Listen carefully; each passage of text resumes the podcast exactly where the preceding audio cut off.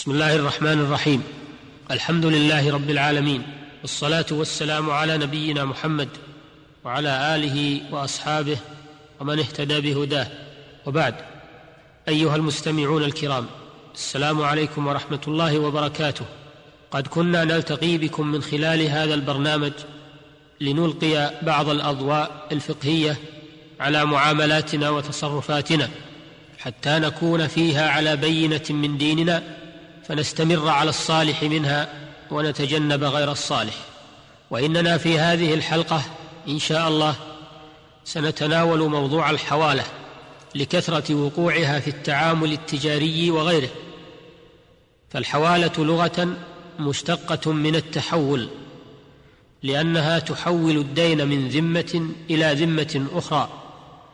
ومن ثم عرفها الفقهاء بأنها نقل دين من ذمة إلى ذمة أخرى وهي ثابتة بدليل السنة والإجماع.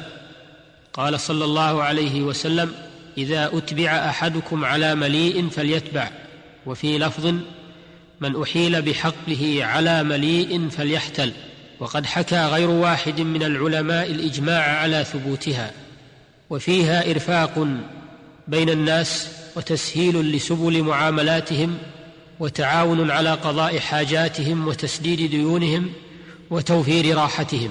وقد ظن بعض الناس أن الحوالة على غير وفق القياس. قال لأنها بيع دين بدين وبيع الدين بالدين ممنوع لكنه جاز في الحوالة على غير وفق القياس. وقد رد هذا القول العلامة ابن القيم رحمه الله وبين أن الحوالة جارية على وفق القياس. لأنها من جنس إيفاء الحق لا من جنس البيع.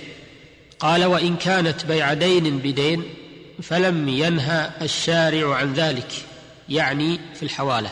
بل قواعد الشرع تقتضي جوازه فإنها اقتضت نقل الدين وتحويله من ذمة المحيل إلى ذمة إلى ذمة المحال عليه. انتهى كلامه. ولا تصح الحوالة إلا بشروط. الشرط الأول أن تكون على دين مستقر في ذمة المحال عليه لأن مقتضاها إلزام المحال عليه بالدين المحال به. وإذا كان هذا الدين غير مستقر فهو عرضة للسقوط فلا تثبت الحوالة عليه فلا تصح الحوالة على ثمن مبيع في مدة الخيار لعدم استقرار الدين الذي هو الثمن. ولا تصح الحوالة من الابن على أبيه. إلا برضا الأب لأنه ليس للابن أن يطالب أباه بدينه إلا برضاه.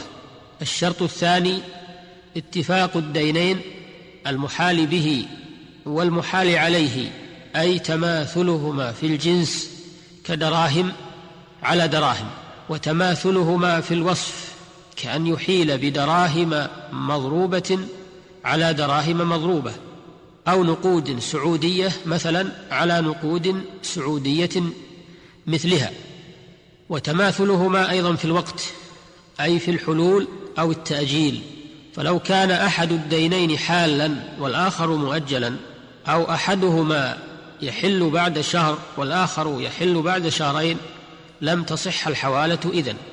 وكذلك يشترط تماثل الدينين في المقدار. لا تصح الحوالة بمئة مثلا على تسعين لأنها عقد إرفاق كالقرض فلو جوز التفاضل فيها لخرجت عن موضوعها وهو الإرفاق إلى طلب الزيادة بها وهذا لا يجوز كما لا يجوز في القرض. لكن لو أحال ببعض ما عليه من الدين أو أحال على بعض ما له من الدين جاز ذلك ويبقى الزائد بحاله لصاحبه. الشرط الثالث رضا المحيل لأن الحق عليه فلا يلزمه أن يسدده عن طريق الحوالة ولا يشترط رضا المحال عليه لأن للمحيل أن يستوفي الحق منه بنفسه أو بوكيله. وقد أقام المحتال مقام نفسه في القبض فلزم المحال عليه الدفع إليه. كما لا يشترط أيضا رضا المحتال إذا أحيل على مليء غير مماطل بل يجبر على قبول الحوالة ومطالبة المحال عليه بحقه لقوله صلى الله عليه وسلم مطل الغني ظلم وإذا أتبع أحدكم على مليء فليتبع متفق عليه. وفي لفظ من أحيل بحقه على مليء فليحتل أي ليقبل الحوالة. والمليء هو القادر على الوفاء الذي لا يعرف بمماطلة. فإن كان المحال عليه غير مليء لم يلزم المحال قبول الحوالة عليه لما في ذلك من الضرر. وإنني بهذه المناسبة أتقدم بالنصيحة لمن عليهم حقوق للناس وعندهم المقدرة على تسديدها أن يبادروا بإبراء ذممهم بأداء هذه الحقوق لأصحابها أو لمن أحيل عليهم بها وأن لا يلطخوا سمعتهم بالمماطلة والمراوغة فكثيرا ما نسمع التظلمات من أصحاب الحقوق بسبب تأخير حقوقهم وتساهل المدينين بتسديدها من غير عذر شرعي. كما أننا كثيرا ما نسمع مماطلة الأغنياء بتسديد الحوالات الموجهة إليهم وإتعاب المحالين حتى أصبحت الحوالة شبحا مخيفا ينفر منها كثير من الناس بسبب ظلم الناس. أيها المستمعون الكرام اعلموا وفقني الله وإياكم أنها إذا صحت الحوالة بأن اجتمعت شروطها المذكورة فإن الحق ينتقل بها من ذمة المحيل إلى ذمة المحال عليه وتبرأ ذمة المحيل من هذا الحق لأن معناها تحويل الحق من ذمة إلى ذمة فلا يسوغ للمحال أن يرجع إلى المحيل لأن حقه انتقل إلى غيره فعليه أن يصرف وجهته ومطالبته إلى المحال عليه فيستوفي منه حقه أو يصطلح معه على أي شكل من الأشكال في نوعية الاستيفاء.